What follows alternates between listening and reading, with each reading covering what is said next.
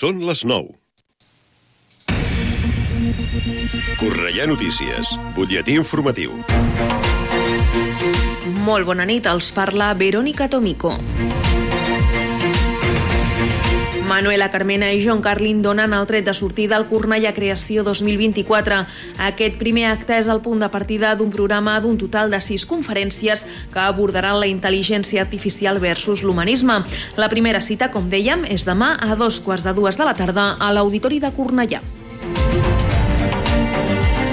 2.523 persones estaven actives a la borsa de treball de l'Oficina d'Ocupació Local a finals de l'any passat. Són les dades de la memòria del 2023 que evidencien una consolidació d'aquest servei. Del total de persones inscrites, el 60% són dones i coincideix amb el perfil majoritari d'aturats al municipi. Dones majors de 45 anys i amb baixa formació. Durant el 2023 s'han apuntat en aquesta borsa 911 persones noves, el que representa una augment del 15% respecte de l'any anterior i malgrat el descens de l'atur al municipi. Totes les persones inscrites van rebre orientació professional i van poder accedir a la formació i a la intermediació laboral. Avui dijous Gras s'ha donat la benvinguda al rei Carnestoltes a Cornellà i serà l'inici de les celebracions del Carnestoltes a la ciutat que tindrà el seu plat fort el dissabte a partir de les 5 de la tarda amb la rua de comparses que aquest any arriba a una participació històrica. En total 26 comparses i més de 2.000 persones inscrites.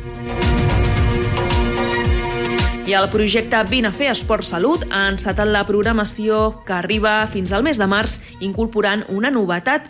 Es tracta de l'activitat Molta de Nou, una sessió que té lloc els dimarts i dijous de dos quarts de sis de la tarda a dos quarts de set del vespre des del pavelló de la Riera. S'adreça a persones de mitjana edat que vulguin reprendre la seva pràctica esportiva. Poden conèixer el calendari complet d'activitats esportives gratuïtes al municipi a través del web cornellà.cat a l'apartat d'esports. Fins aquí aquest butlletí informatiu. Poden seguir informats de l'actualitat de la nostra ciutat al Cornellà Notícies de la una del migdia, als butlletins horaris i a l'app i la web de Ràdio Cornellà. També trobaran les darreres actualitzacions i notícies al radiocornellà.cat i a les xarxes socials de la ràdio.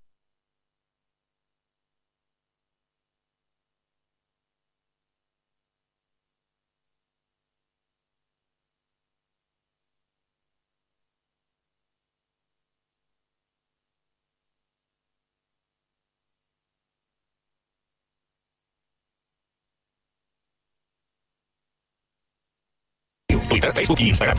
Ara el temps. Connectem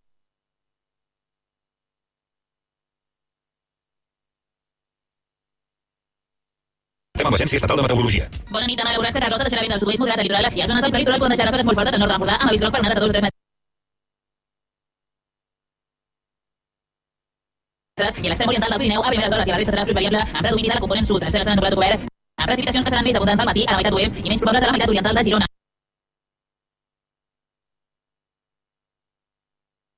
La cota de neu al Pirineu, al voltant de 1.500 o 1.800 metres. Les temperatures mínimes pujaran de forma local notable al quadrant nord-est i lleuger al Pirineu, marcaran 12 graus a Tarragona i 8 a Lleida, i les màximes en descens generalitzat seran 18 graus.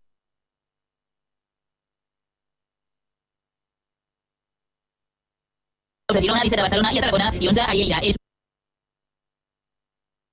una informació de l'Agència Estatal de Meteorologia. L'informació.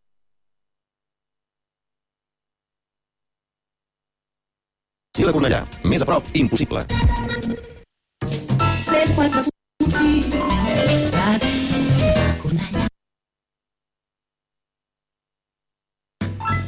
vespre, són les 9 i un dijous més. Comença Atrapats a la Cultura.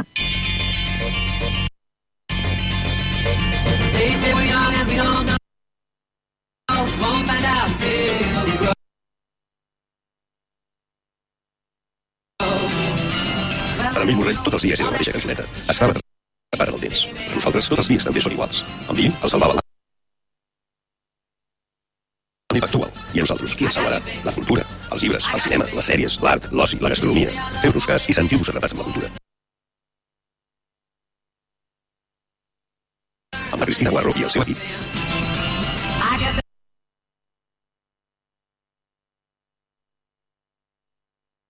So we don't have a pot, but at least I'm sure of all the things we got. I got you.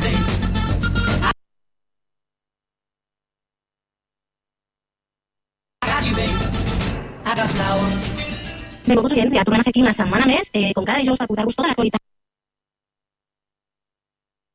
cultural i de proximitat del nostre municipi. Una setmana, avui és dijous gras, en què, com podeu imaginar, la festa del Carnestoltes, la festa que subverteix l'ordre establert, és la reina de les activitats culturals de casa nostra. Com cada programa, comencem amb l'agenda cultural i endavant la sintonia.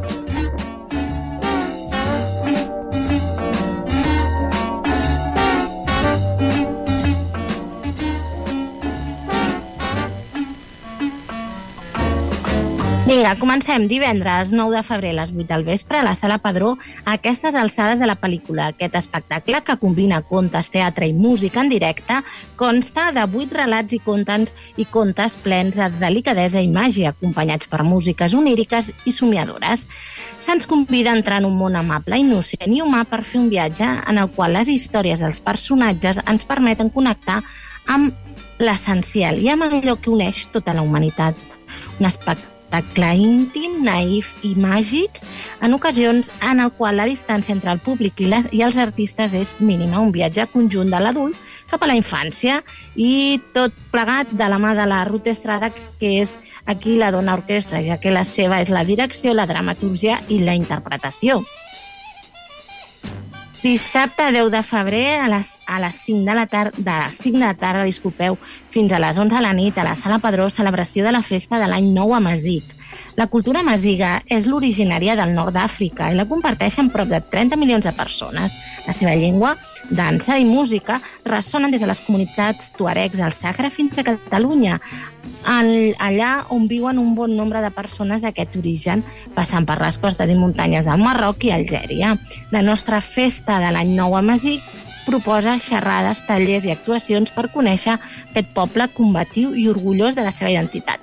5 cèntims al programa. A les, 7, a les 5 de la tarda, presentació sobre el col·lectiu Amàsic a Catalunya i col·loqui sobre els drets de les persones migrades amb Enrique Mosquera, que és de Papers per a tothom, i Maria Dantes, Unitat contra el feixisme i el racisme. A la mateixa hora també hi haurà un taller infantil de grafia a Masiga, eh, conduït per la Gislan Bari Alba, a les 7, projecció del documental Bugafer 33, hi haurà sopar amb cuscús i tés, concerts de música massiva, eh, hi ha un aforament limitat a 120 persones per hora d'arribada i l'entrada són 5 euros que inclou els, els, el sopar. Eh, es, es tracta d'una activitat organitzada entre la Sala Padró i Cornellà Sense Fronteres. Diumenge 11 de febrer, a partir de les 11 del matí, a la Sala Padró, acte per recordar la Kitty. Des de la Sala Padró ens conviden a passar la jornada recordant la Kitty, una persona que ha deixat una empremta en tothom que la va conèixer. En aquest acte especial la recordaran a través de dues de les seves passions, la jardineria i el bricolatge. La idea és fer jardineres boniques, amb palets plens de plantes, de plantes. També hi haurà un dinar de cassoles, així que cadascú pot portar alguna cosa per dinar i compartir mentre es fa creant aquest espai. A la S'allargarà la sobretaula tant com calgui, amb música, plor i somriures. I la gent de Toc de Corn acompanyarà la jornada amb la seva caravana.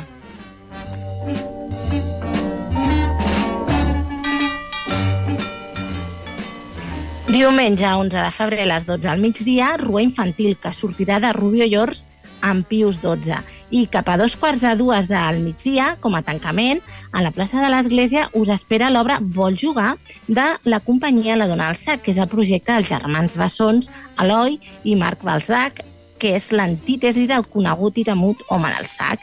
Ella sempre apareixerà quan estiguis trista o et sentis sola per ajudar-te jugar amb tu i animar-te. Sempre t'acompanyarà quan més ho necessitis i et donarà confort. Dins el seu sac hi porta jocs, contes i cançons i sempre es nodreix de la imaginació, el misteri, la il·lusió, l'amor i el joc. Expliquen en bombo i en clap els personatges protagonistes que ells la van conèixer quan eren petits i que des de llavors formen part de la seva banda de música i s'ho passen d'allò més bé. La dona del sac va amb tu, t'escolta, t'anima i et motiva a descobrir el misteri que tots tenim a dins. Pots jugar és una invitació a viure i compartir experiències en família d'una forma creativa i participativa. Misteri, trapelleria, jocs i cançons, música i animació sociocultural.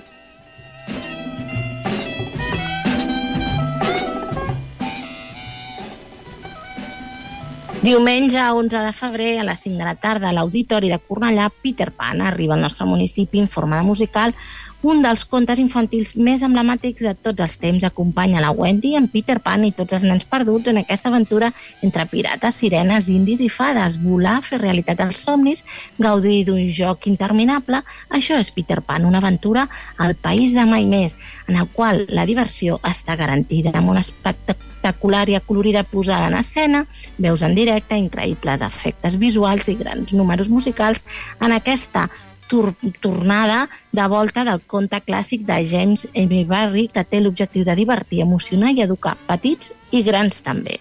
La intenció d'aquesta nova versió de Peter Pan és dialogar amb la societat, plantejar preguntes sobre els infants, sobre la diversitat, exposar-ho davant del públic i que aquest n'extregui les seves conclusions. Un espectacle en el qual es dona visibilitat a artistes amb discapacitat intel·lectual per junts fer gaudir grans i petits amb aquest divertit i espectacular musical recomanat per la xarxa espanyola de teatres, el quadern d'espectacles inclusius.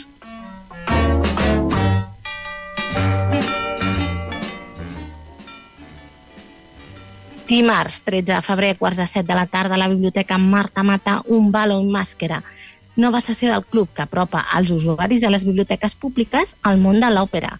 Coordinat amb la programació de la temporada 2023-24 del Gran Teatre del Liceu, es comenten un seguit d'obres a partir del seu visionat o d'una audició. En aquesta ocasió es comentarà un ballet màscara del compositor italià Giuseppe Verdi amb un argument inspirat en els esdeveniments que van envoltar l'assassinat del rei Gustau III de Suècia en un ball de disfresses l'any 1792 a càrrec de l'escriptora Montserrat Galícia. I per posar-hi una mica de context, Un ballet màscara va ser una de les òperes més problemàtiques de Verdi. Durant la seva composició, la censura va exigir grans canvis, fins i tot demanant més alteracions de les que Verdi estava disposat a acceptar. Aleshores, Verdi va trencar el contracte amb el teatre, que el va demandar i Verdi va contraatacar amb una demanda per difamació. Finalment, la lluita legal va concloure amb la retirada de les acusacions per part del teatre i amb el compromís de Verdi d'acabar l'òpera. Malgrat tot, abans de l'estrena a Roma, l'acció va haver de traslladar-se d'Estocolm a Boston i el rei Gustau va ser substituït pel comte de Warwick, atès que les autoritats no permetien que una obra de teatre inclogué, inclogués un regicidi. Un ballet màscara és un dels drames més compactes i perfectes de Verdi, una òpera de maduresa en què la qualitat de la música i la història estan al mateix nivell.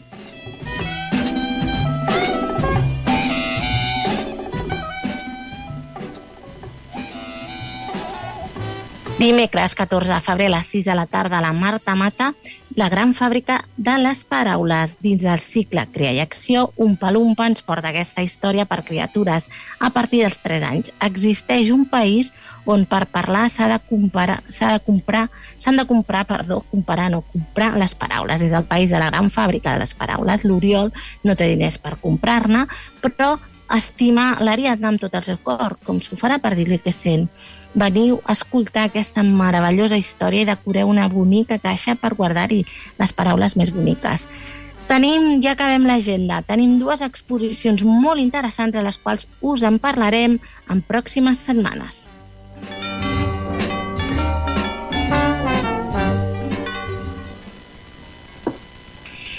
I tot seguit comencem amb la cançó del programa d'aquesta setmana, a veure si eh, eh, endivineu quina, de quina es tracta.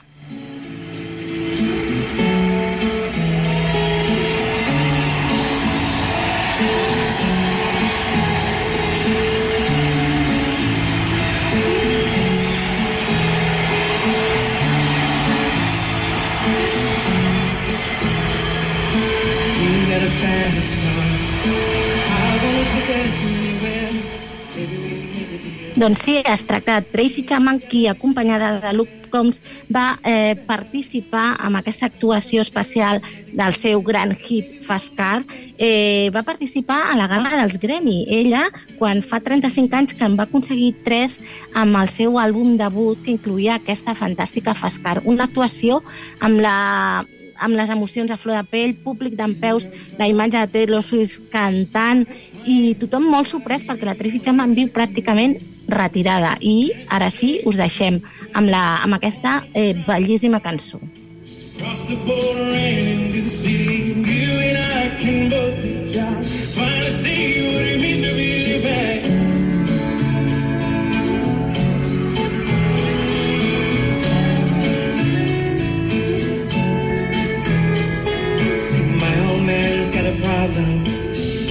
bottle, that's the way it is. He says, body's too old for working. His body's too young to look like his. My mama went off and left him. Wanted more from life than he could give. I said, somebody's got to take care of him. I quit school, that's what I did.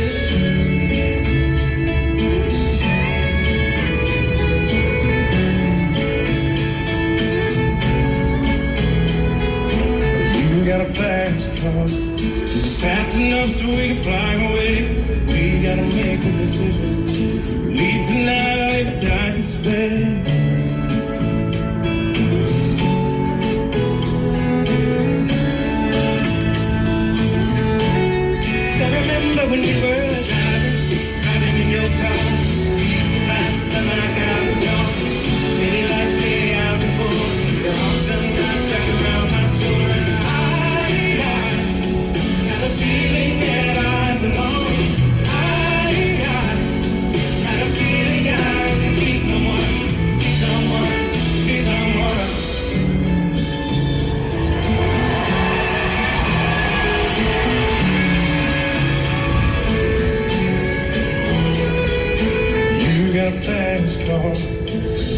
Cruising, entertain ourselves. Still ain't got a job. So we're working the market as a checkout girl. I don't things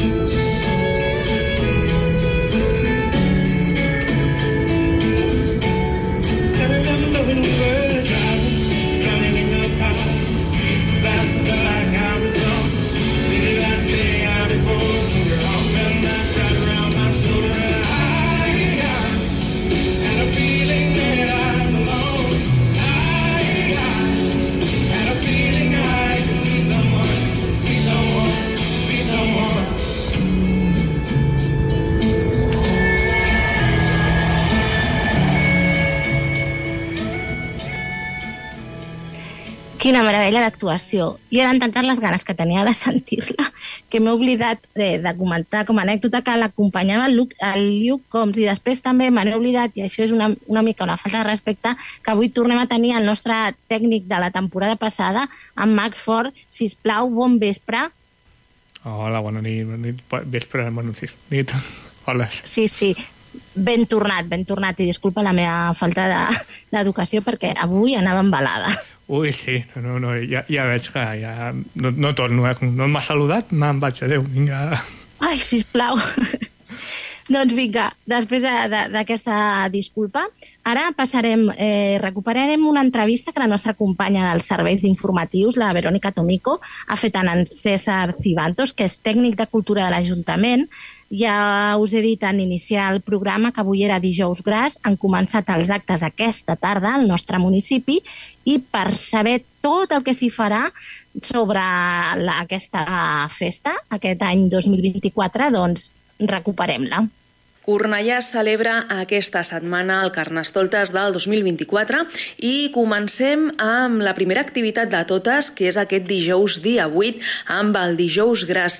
Una cita molt esperada perquè precisament és l'arribada de Sa Majestat el rei Carnestoltes, oi? Sí, aquest dijous, aquest dijous 8 de febrer, eh, arriba a la ciutat eh, el rei Carnestoltes amb el seu se- seguici. I tindrem una, una activitat, una festa molt efusiarrada d'inici de, de Carnaval. Uh -huh. On serà aquesta festa? Pues, eh, enguany la farem a la plaça de l'Església. Convocarem a la ciutadania que vulgui participar a, la, a un quart de sis, a les 17.15 hores, i iniciarem l'actuació de la companyia Roger Canals amb l'espectacle Rebombori per totes les famílies que vulguin participar.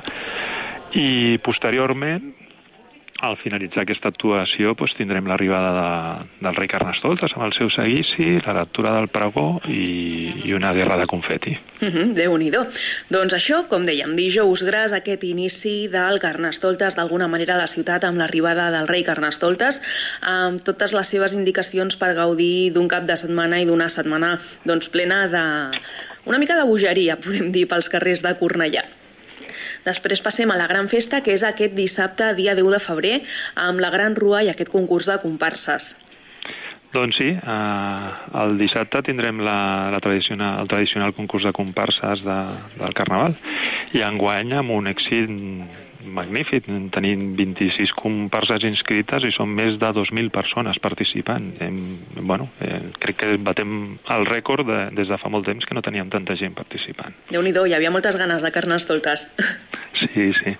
Llavors, com sempre, per la gent que vulgui veure com estan les comparses, la, estan, estan citades a anar arribant a plaça Catalunya, que és on s'iniciarà l'activitat a les 5 de la tarda, per mm, arrencar la, que és la cercavila del Carnaval a les 6 de la tarda, amb el recorregut que fem normalment, que és inici a plaça Catalunya, pujada per l'Avinguda Sant Ildefons, girar per al carrer República Argentina, on podran fer el, en aquella cantonada de Sant Ildefons i República Argentina fer el, la seva mostra de ball, el que vulguin fer, la juguesca que vulguin fer davant de, del jurat, baixarem per mossèn Andreu i tornarà, tornarem a entrar a plaça Catalunya. Uh -huh. Hem de dir que durant l'arribada més tenim animació musical, per tant tothom que vulgui esperar que arribi les comparses al punt final tindrà una molt bona estona per passar-s'ho bé i ballar.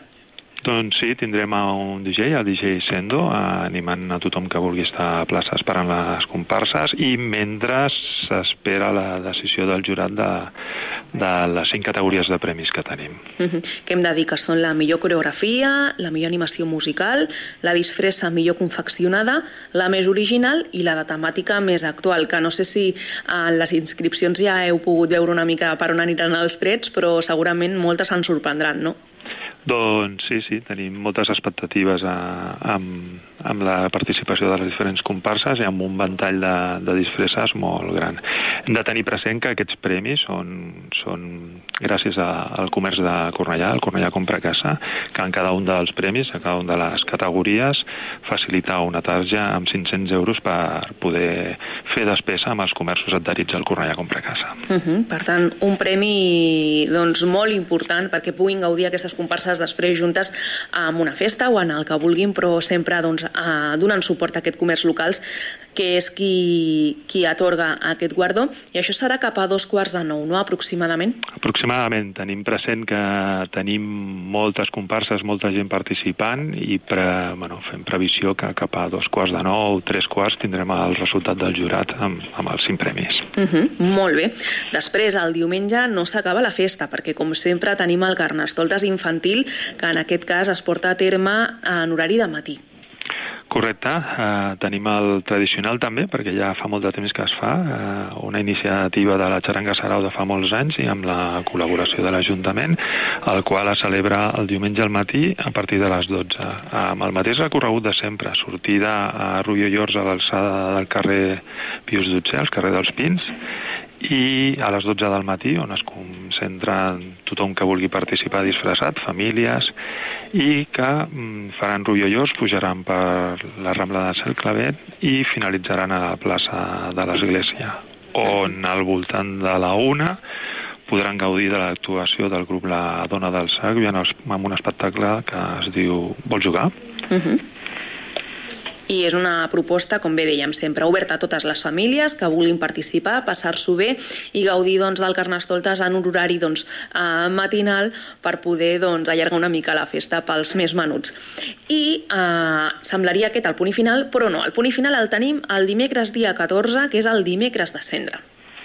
Doncs sí, el dimecres de cendre, eh, tristament, haurem de d'acomiadar el, el Carnaval i el rei Carnestoltes. Llavors eh, farem la celebració del judici final a la plaça de Sant Idefons, on la vella Quaresma eh, farà tot el possible per fer fora de la ciutat a, a Sa Majestat del rei Carnestoltes. Uh -huh. Això serà a partir de les 5 i 20 de la tarda, totes aquelles famílies, bueno, tothom que vulgui participar, que vulgui portar la seva sardina, que per cert, enguany eh, s'han repartit sardines a totes les escoles de la ciutat, d'infantil i primària, perquè els nois i noies puguin dibuixar-la, pintar-la i, i portar-la aquest dimecres a, a la festa del judici final. Perfecte. I també tindrem doncs, una actuació a partir de les 6, oi? Correcte, tindrem a la companyia Icarai amb l'espectacle Visca el Carnaval per, acabar, per acabar les activitats de, d'enguany de Carnestoltes. Uh -huh. Doncs acabem aquest Carnestoltes amb una gran festa, també, com no podria ser d'una altra manera, amb una mica de pena per acomiadar-nos d'ell fins l'any vinent, però havent gaudit i molt des d'aquest dijous, dia 8 de febrer, des del dijous gras, amb tota aquesta animació per la ciutat, amb aquesta disbauja per tots els carrers de, de Cornellà. Doncs bé, convidem a tothom que participi de totes aquestes activitats, del dijous gras, de la Gran Rua, del Carnaval, de la Rua Infantil i, per suposat, també del dimecres de festa de cendre, doncs tothom que vulgui doncs, està convidadíssim a participar de totes aquestes propostes que recordem organitza el rei Carnestal, però evident, Carnestoltes, però evidentment amb l'acompanyament i amb la col·laboració del Departament de Cultura de l'Ajuntament i hauríem d'agrair-li al César Cibantos, tècnic de Cultura al Consistori, que hagi estat amb nosaltres per explicar-nos en detall tot el que podrem gaudir aquests dies a la nostra ciutat. Gràcies. Gràcies a vosaltres. Estàs escoltant Atrapats amb la Cultura. Vinga, espero que hagueu anotat tots, tota la informació que, es, que ens ha donat el tècnic de, de l'Ajuntament de Cornellà. I ara anem en el, amb l'entrevistat d'aquesta setmana, que eh, té una història curiosa amb el llibre del qual parlem. Es tracta de la recerca del Lotus, de, de l'escriptora i periodista australiana Charmaine Cliff, que mon, ens mostra el revés, el revers fosc de la bohèmia i la història curiosa d'en Jordi Bossom amb aquest llibre i com hi arriba i com hi arriba o com el coneix, doncs eh, val la pena que, que escolteu l'entrevista perquè de veritat que són d'aquelles coses de los caminos del senyor són inescrutables, mira, em costa pronunciar-ho i tot, doncs això és el que passa, que mai s'hi sap com arribes a conèixer les coses. And I'm feeling good.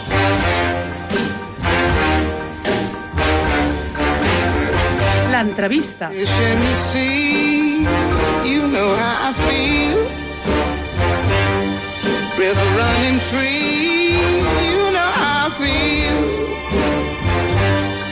Blossom on the tree, you know how I feel.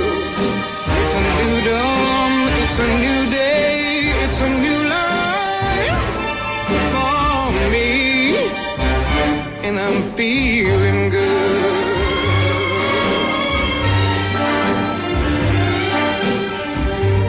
Dragonfly out in the sun, you know what I mean, don't you know?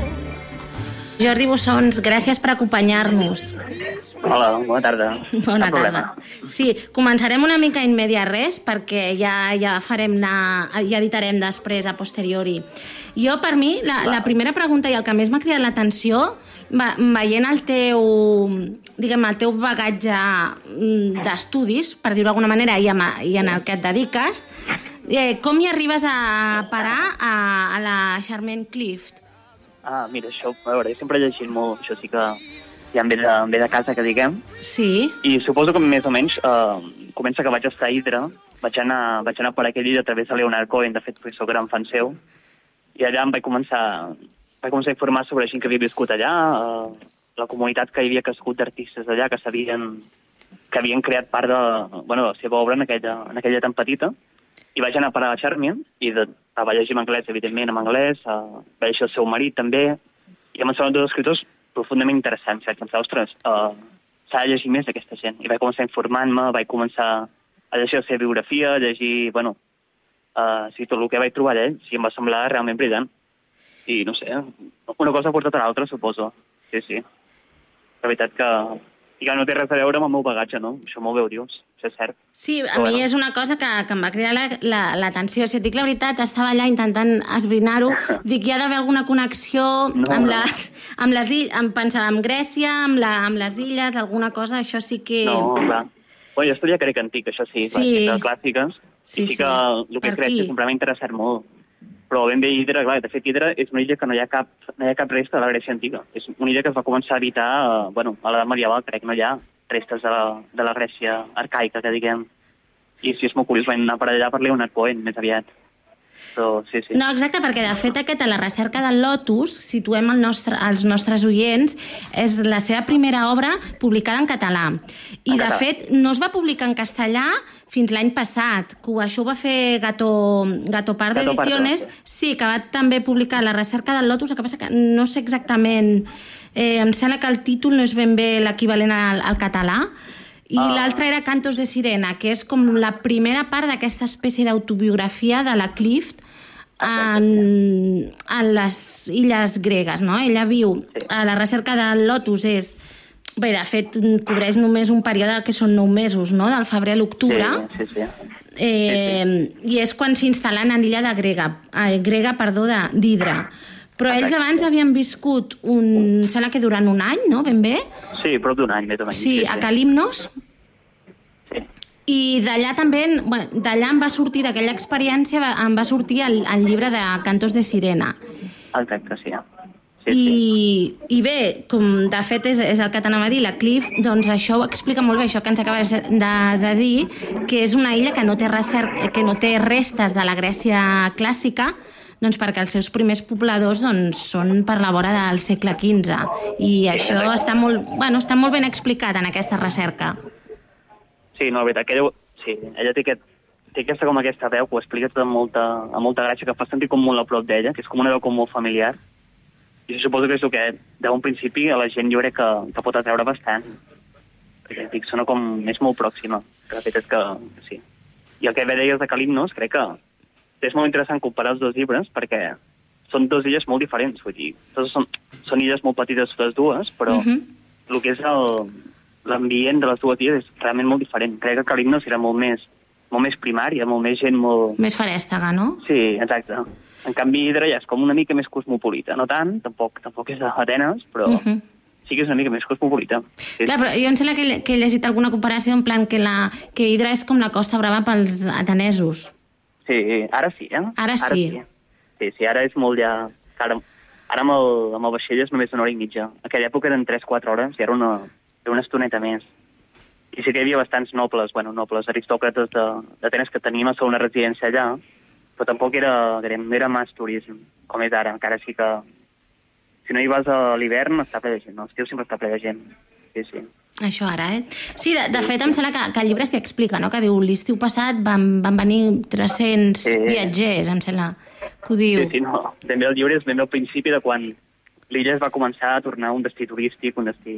Sí, sí, això ho explica molt bé, la veritat. Clar, perquè això, de fet, que és la història per la qual a tu, a tu t'hi porta, que és eh, a Leonard Cohen, eh, de fet hem de dir que Leonard Cohen eh, va, va viure hostatjat a la, classe de, a, a la casa de la Charmaine Cliff i el seu marit, el George Johnson, aquesta parella de periodistes australians, però clar, ell no hi apareix al llibre perquè això és el primer any, que estem a l'any 1954, no? I el Cohen no, no s'instal·la fins a principis dels 60, crec. Sí, com crec que arriba a l'abril del 60, em sembla, sí, més o menys. Sí, no, i clar, és abans, el llibre és interior a ell. Perquè, en, en certa manera, que aquest, mm, aquest parell de periodistes són com una mica els pioners. Sí, és, és van ser els primers estrangers a comprar una casa a l'illa. Ah, a comprar Clar, la... llavors, sí, llavors com el seu fill, el seu tercer fill, ja neix a aquella illa, Uh -huh. ells són... O sigui, els habitants de l'illa els veuen com, com diferents, són la resta de turistes que estan de pas. Ells ja s'estableixen allà, intenten més o menys relacionar-se amb la gent de- d'allà del poble, i clar, són, sí, sí, són d'alguna manera els precursors. I a partir d'ells dos neix com tota la comunitat d'artistes que es van, a, que es van instal·lar a l'illa, des de pintors, escriptors, poetes... I sí, són com una mica el centre de la comunitat. I a més, eh, això ja queda, bueno, sembla bastant palès que eren gent molt hospitalària, que eren molt oberts. Si les portes de casa sempre estaven obertes. Rebien gent a tota hora, si algú tenia algun problema l'ajudaven. Eren realment, crec que molt, molt, molt hospitalaris. Sí, sí. Bueno, i si no, també se'ls se colaven les veïnes, no? Exacte, sí, sí, sí. No, i tant. Que, mm, què t'anava a dir? Eh, parlem una mica de l'estil aquest, ja, que ja, ja, ho has in, ja ho has dit una mica, de, parlar d'aquesta proximitat, això no és més que res, a la recerca del Lotus jo ho consideraria una mica com una crònica periodística. Sí, sí, de fet, sí que ho podíem interpretar així, eh? perquè ell al final descriu el seu dia a dia, descriu una mica el que veu, el que li va passant, eh, les coses que escolta per aquí, les coses que, que li diuen les veïnes. Sí, sí, Mhm. realment va una mica cap aquí la cosa? I tant. Sí, que d'aquí, d'aquestes observacions aquí també és una mica aquest estil costumista, no? De caracteritzar la vida al poble i els contrastos entre ells i, i els veïns Exacte, sí. i els illencs. Eh, eh, tu saps si... Perquè aquí al final, eh, també llegint, llegint el llibre, jo he tingut la impressió que d'estar llegint o mentalment eh, em, em venia al cap una comèdia grega, de les clàssiques per aquesta ca- caracterització una mica dels personatges que fa, dels illencs, sobretot. Sí, no, home, és, home jo suposo, vull pensar que ella havia llegit una mica tot el que era la Grècia antiga, que estava molt ben informada de les coses. Com ella fa referència a diferents mites, parla d'Icar... Sí, exacte, de- sí, sí, això t'anava a dir, que hi ha, hi ha totes aquestes referències. I jo no sé si el nom dels illencs són Jo- realment, perquè, No, clar, crec- hi ha, hi ha una no Cassandra, reals, hi ha un no. Sòcrates, hi ha un Creon... Sí, no, no, no. Jo crec que no són reals, eh? De fet, és, bueno, o sigui, hi ha un altre llibre que, que sembla que parlo pròleg, que és, el, que és com a gran volum sobre la comunitat aquesta d'Hidra, Uh -huh. que sí que intenta ficar una mica cara a cada persona que va, que va passant per allà, no? O sigui, vull dir, els que parlen del llibre intenten ficar-los cara, no? A veure qui érem, si realment, jo què sé, si en Sòcrates era realment l'agent mobiliari, i crec que sí que tenen noms diferents, que, que van ficar com un, com un, bueno, com un pseudònim, no sé si per protegir-los o per fer-ho més, no sé, fer la lectura més, no sé, més oberta, més dinàmica, no sé. No, perquè de fet el que sí que sabem són els noms reals del que són els, els altres estrangers, Sí, els altres sí, clar. artistes que, que poblen l'illa. Sí, clar que són més fàcils de- d'identificar, que diguem. Sí, sí. Eh, una de les, eh, una altra cosa de- d'estil és aquesta mm, manera a vegades de caracteritzar els personatges. Eh, per exemple, quan parla del Feodor, m'ha cridat molt l'atenció que el, el defineix com un sàtir cansat. I no. després hi ha també aqu- aquesta descripció del, em sembla que és del notari a les primeres pàgines, que és com... què diu? A veure... O sigui, que és... Sí, és que el defineix com a, com a asmàtic o...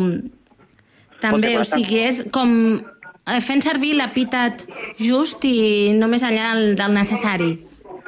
Sí, no, realment jo crec que era molt precisa. Ella tenia molta finura per aquesta mena de coses. Anava molt bé al detall. I això sempre penso, el Sir George encara no s'ha traduït mai al català, no? I no sé mai si arribarà a traduir-se.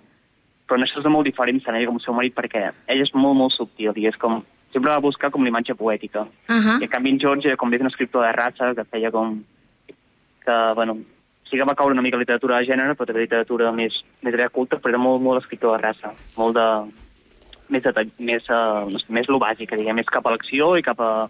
que la novel·la sigui... tingui... bueno, que tingui carn, que tingui acció. Bueno, potser També ell, com que havia estat també- corresponsal de guerra, no? Sí, Clar, aquest tipus que de- d'experiència també et deu marcar. Sí, i tant. I la Charmin és això, ella capta molt bé el detall de la gent, de la gent, de les imatges que veu.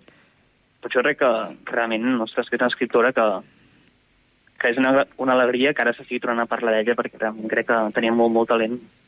Sí, sí, estic molt content, no ve tant. El, el pròleg, eh, tu dius que una de les coses que li, bueno, que li van jugar en contra en el moment és que aquest llibre es publica tres anys després de ser escrit o del que ell esperava també publicar-lo per diferents problemes. I que durant aquest lapse de, de temps clar, ja es, es publica Kerouac i, que, i alguns altres de, de la generació Beat.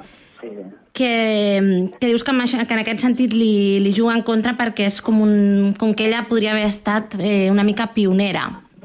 sí jo crec que sí. Jo crec que... Realment no me'n recordo on vaig llegir això, però em va semblar que era molt encertat. És això, clar, eh, al moment que ella escriu el llibre, sí que hagués sigut com, com una gran novetat, no? Una senyora que escriu des d'un lloc com molt remot, que, que no hi passa gaire res, que està com a lluny dels centres culturals, Uh -huh. però clar, uh, en aquest lapse, aquest lapse de 3-4 anys que hi va haver, que clar, uh, que en el món editorial, dit, que és una barbaritat, 3 o 4 anys pot passar de tot. Mm. I just durant aquests 3-4 anys va com esclatar tot el moviment vi, que a part de Kerouac i Ginsberg i companyia, hi havia molts llibres, o sigui, alguns molt bons i altres no tan bons, eh, també s'ha de dir, que jo que sé, que parlaven d'aventures d'un senyor a l'Himalaya o d'aventures de, no sé, d'un altre que anava a explorar l'Àfrica tropical, o, bueno, no sé, coses molt exòtiques, molt, com molt crues, no? com, molt, com molt intenses. I llavors el llibre de Charmin, que al final val, que sí que està en un lloc remot, però al final és Grècia, no? Vull dir, tampoc és un lloc perillós, que diguem, ja no crida tant l'atenció. Perquè és molt diferent estar-se a una illa grega, que al final, què és el pitjor que pot passar? Que està incomunicat, vale. Que no hi ha llum, Ah, no? Clar, és que no hi ha llum. Però clar, això en comparació d'anar a creuar, no sé, el desert del Sàhara, doncs entenc que no sigui tan intens. I tinc la sensació que aquella època es va posar com molt de moda aquesta literatura tan cruent de coses com molt, bueno, això, com molt intenses. Sí, sí. I això ens va anar bé, clar. I el llibre també potser, no sé si seria la constatació una mica d'aquesta impossibilitat d'intentar portar una vida austera, perquè ells en principi el matrimoni s'instal·len allà, recordem que són australians i han viscut uns anys a Londres, estan també una mica, el clima no hi ajuda gaire, i decideixen anar a, a buscar el sol, que de fet aquí el sol la, i la descripció que en fa és una constant a la recerca del lotus, però clar, al final, per, per molt que vulguis dur una vida austera, eh, clar, els problemes econòmics hi són. Vull dir, hi ha una necessitat igualment d'aconseguir ingressos. Sí, sí, jo crec que de fet ells van pecar d'ingenus. Jo crec que van pensar que, que seria més fàcil del que realment era. Ells creien que realment podrien viure la literatura, que, que els hi caurien ingressos del cel, i jo crec que almenys al principi no, no va ser així. Després ja van anar, van anar publicant amb més èxits, sobretot en George va publicar un parell de llibres que van tenir realment molta repercussió, Uh i -huh. sí que van començar a ingressar bé. Però clar, al principi ja que van passar bastantes penúries. En comparació amb l'altra l'altra gent que anava arribant a l'illa, sí que semblaven benestants, que havien pogut comprar la seva pròpia casa, més o menys tenien menjar pels seus tres fills, Uh -huh. sí que semblava que, que, bueno, que clar, en comparació eren benestants. Però sí que, clar, en aquest moment, a veure, uh, ara mateix em semblaria molt, molt pobres aquella gent. Però, Sí, per, sí, perquè de fet al final també la, la Germaine també sembla com que es queixa que, el, que en George té, és massa esplèndid, sí, sí, sí, jo crec que sí. Jo crec que, que convida també, massa. Sí, que eren... que els agradava molt la vida de, de seure a una terrassa i anar, anar passant la tarda, que diguem. Sí, i eren molt generosos, és el que dic. Eren molt generosos amb tothom qui venia a demanar a casa seva, doncs ells els donaven alguna cosa. Perquè suposo que és, també en algun moment de la seva vida potser devien estar com aquells altres, no? Era que tenien algun mitjà, doncs mira, intentem ajudar. Bueno, això la gent no els hi va agrair molt. Tothom que ha parlat d'ells, tothom els va deixar molt bé. De Leonard Cohen, com, com altres escriptors que van passar per casa seva, sempre els han deixat, amb, els han de gran, bueno, amb molt bones paraules, els han deixat molt bé. Sí, sí. Sí, perquè de fet a la, la contraportada hi ha, hi ha una frase de Leonard Cohen que va dir ells que bevien i escrivien més que ningú, es posaven malalts i es curaven més que ningú, maleïen i beneïen més que ningú i eren de llarg el, me- els més solidaris, van ser una font d'inspiració. Sí, no, i tant. Sí, sí. No, Leonard Cohen va estar eternament agraït a ell sempre. Sí, sí.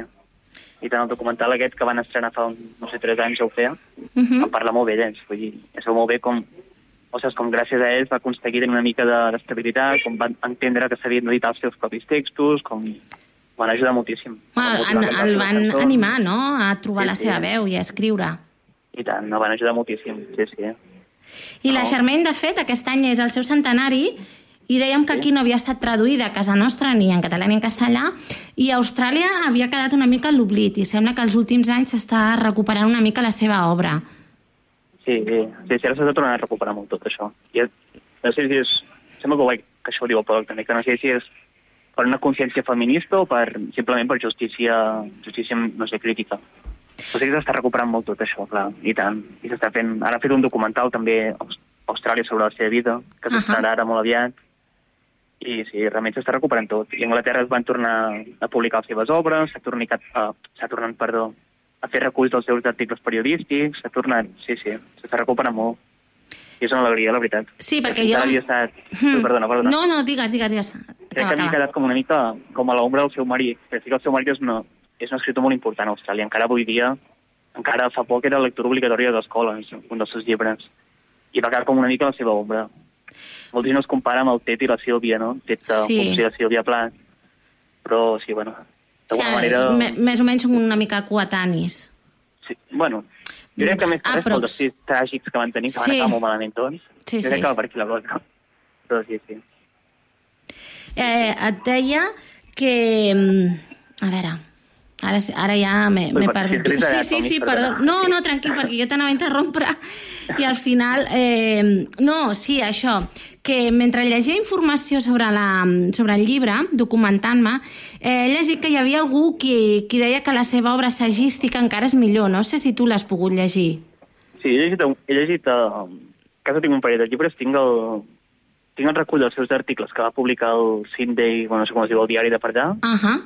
i també ja, sí, o sigui, jo crec que més que assajos són, realment ara serien articles periodístics. Eh? No és allò que, mira, escric un llibre d'assajo sobre la filosofia no sé què, no. Ahà. Són articles periodístics de que sí que parla de temes molt diferents, parla, jo què sé, des d'aquest moment que la guerra del Vietnam, parla de... Fins i tot té un article que parla dels Beatles de Rolling Stones, que és com, ostres, això és com... No sembla que es puguin relacionar, però sí que en parla.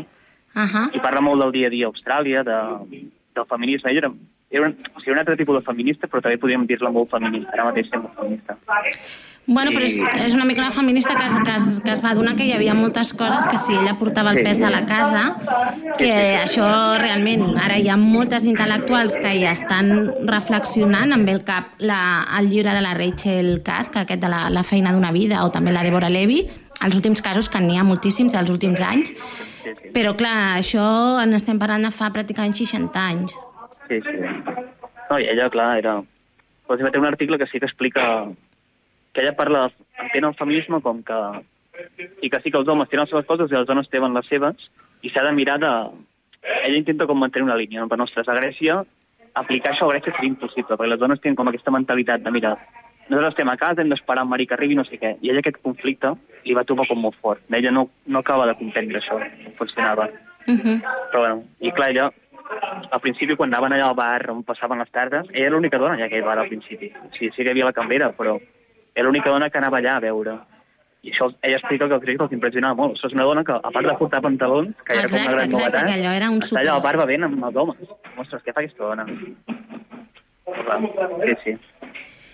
Eh, Jordi, i tu com, com li arribes a fer el pròleg? No sé si tu has fet una proposta a l'editorial o com ha anat això. Sí, bueno, sí, jo de fet, o sigui, editorial que fa molt temps que la segueixo perquè em sembla que publiquen realment llibres que són, bueno, són excel·lents. Ahà. I que jo tenia aquesta... Ostres, tenia... El Xavi em pensava, ostres, això s'hauria de publicar en català, que està realment molt bé, crec que podria agradar fins i tot. Ahà. I molt dius li vaig enviar una mena d'opció pròleg, que era que gairebé el mateix que s'ha publicat, i fins i tot els vaig enviar com un capítol traduït o dos, perquè, perquè veiessin una mica de què anava la cosa. Gràcies a Déu no van, no van acceptar com la meva traducció, van dir, "Ostres, això que ho faci un professional, que ho farà més bé. Uh. -huh. Miriam Cano ho ha fet, ho ha fet molt bé. Però sí que el pròleg em van dir, "Ostres, ens ha agradat molt el pròleg, eh, ens agradaria publicar el llibre traduït per algú que sàpiga, um, acompanyant del teu pròleg, si et sembla bé. I jo, bueno, vaig estar encantat, la veritat. Va, em va agradar Clar, moltíssim. perquè jo he llegit en la teva bio, que és, la trobo força peculiar, perquè ets traductor però del lituà. Bueno, això sí, perquè la meva, o sigui, la meva parella és lituana, Ahà. i a partir d'aquí he anat aprenent la llengua. I he traduït alguna coseta, o sigui, estic traduint uns poemes, sí, sí, estic fent, tocant una mica. I tampoc soc tan professional, eh, vull dir, estic tot just començant. Ah, bueno. Però sí que és el que faig. Més que res això i la tesi doctoral i treballar en una fira al meu poble. Pràcticament les tres coses que, que faig. Que, que, que t'ocupen ara. Bé, la tesi doctoral, exacte. perdona, era d'epigrafia llatina? Sí, he fet, bueno, he fet clàssiques, Sí, abans feina per a però medieval. Arnau Vilanova, que era Ahà. un, sí, és un, un, un metge i teòleg medieval català, que és bueno, una mica com Ramon Llull, que és molt important al seu moment. Sí. I estic fent això, medicina medieval, bàsicament. Estem editant uns textos i fent tota l'edició crítica, tot el context. Sí, a l'autònom, departament de recerca. Sí, sí, bueno, està bé, estic content. Sí, Home, sí, sí, sí, és una, una bona feina. A més, Arnau de Vilanova va ser un referent. Sí, no, i tant. Aquí a Catalunya, ja et dic, jo crec que se'l coneix poc, eh? perquè penso que Ramon Llull se'l coneix moltíssim, Sí. però al seu moment eren tots gairebé igual d'importants. Com el de Vilanova, se n'hauria de parlar més del que se n'ha parlat. O sigui, crec que, ostres, era un referent a tota l'Europa medieval. Mira, Sí, metge sí, de sí. reis, metge de papes, i era, ostres, sí, sí, i tant.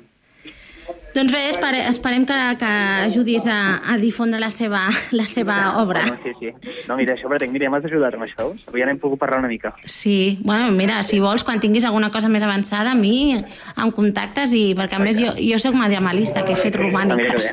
O sigui que... Sí, sí. Molt bé. Jordi, moltíssimes gràcies. No de res, més faltaria. Vinga, a reveure. Adéu. Adéu, adéu. Queda't atrapat amb la cultura.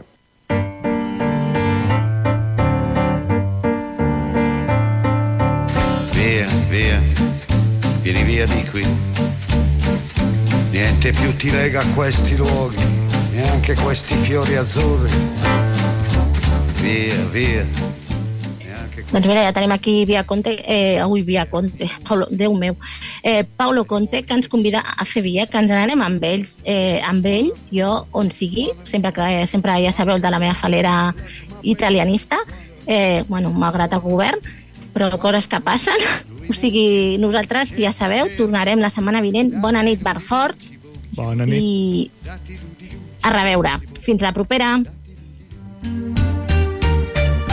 Via, via, vieni via con me. Entra in questo amore buio, non perderti per niente al mondo.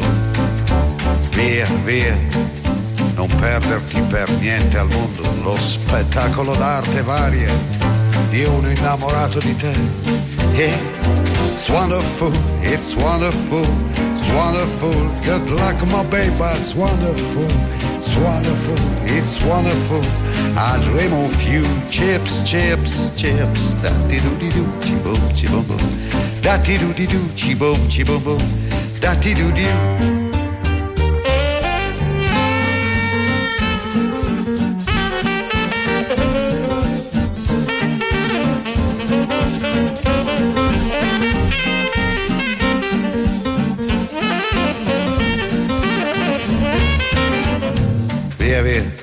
Via con me. Entra in questo amore buio, pieno di uomini. Via, via, entra e fatti un bagno caldo. C'è un accappatoio azzurro, fuori piove un mondo freddo. It's wonderful, it's wonderful, it's wonderful. Good luck, my baby, it's wonderful. It's wonderful, it's wonderful. I dream of you, chips, chips. Da ti do di do, chi boom, chi boom boom. Da ti do di do, chi boom, chi boom boom. Da ti do di do. Sintonitzes Ràdio Cornellà.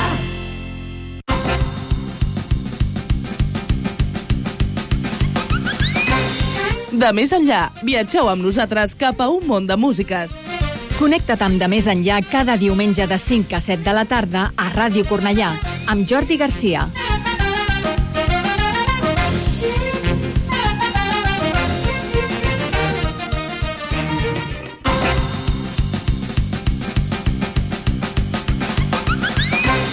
De més enllà, viatgeu amb nosaltres cap a un món de músiques. Connecta't amb De Més Enllà cada diumenge de 5 a 7 de la tarda a Ràdio Cornellà, amb Jordi Garcia.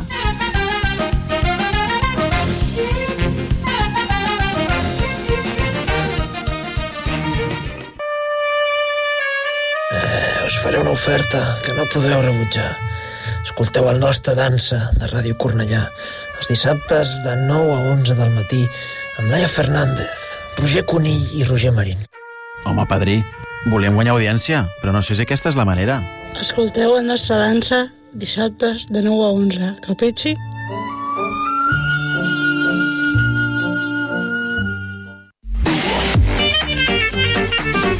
Todas tuvimos una Nancy. Un programa per tothom. Però especialment pensat per boomers. Cada episodi, un únic tema a debat. Amb humor. I molta música. Tots els dilluns. A les 9 del vespre. I sempre que vulguis el pots escoltar a radiocornellà.cat. Todas tuvimos una Nancy.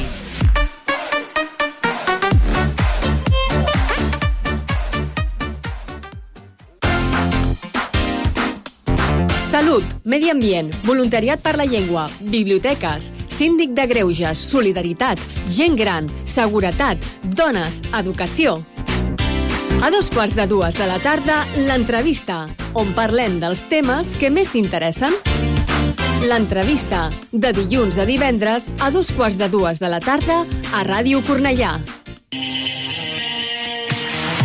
¿Tienes una dura semana? Nosotros te ayudaremos a relajarte. Los viernes de 10 a 12 de la noche, toda la música, Deep House, Lounge, Garage, porque otro mundo es posible. Paradis Hypnotic, con Ray Ortega en el 104.6 de la FM. Ràdio Cornellà.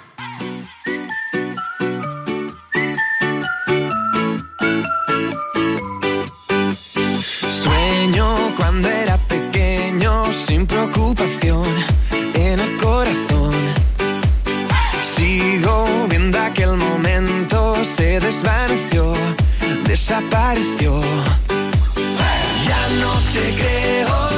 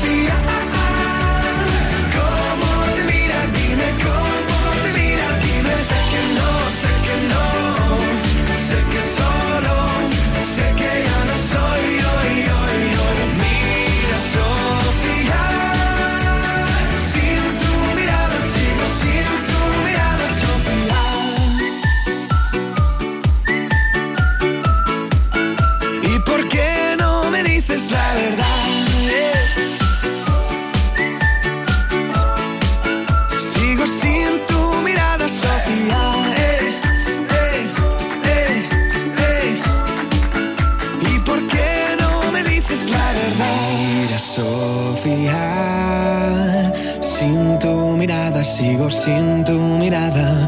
Dime, Sofía.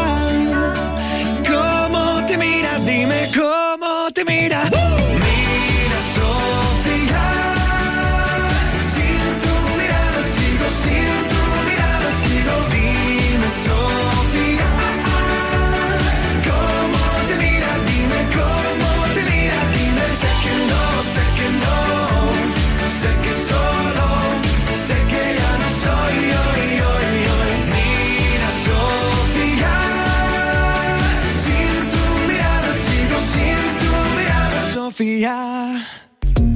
Ràdio Cornellà, sempre al costat del comerç local.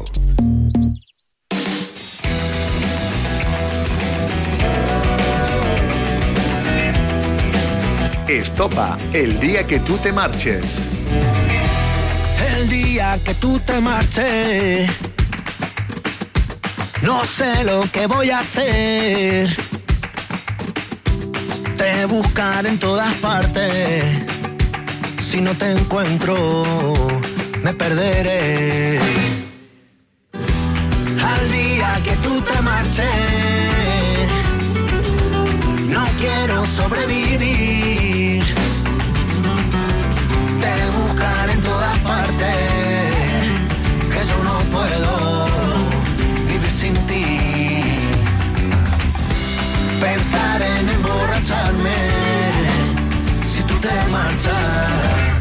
voy a morir. ¿Sabe lo primero que me pasa que me estás matando.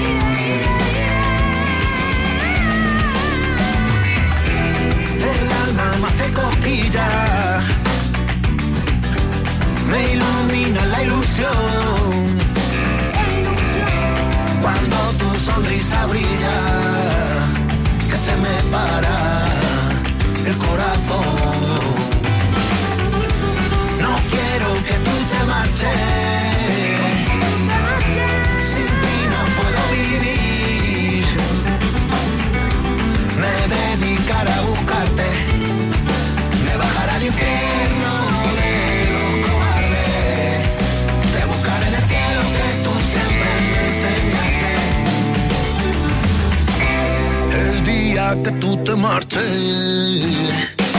¿Sabes lo primero que me pasa? Que me están matando.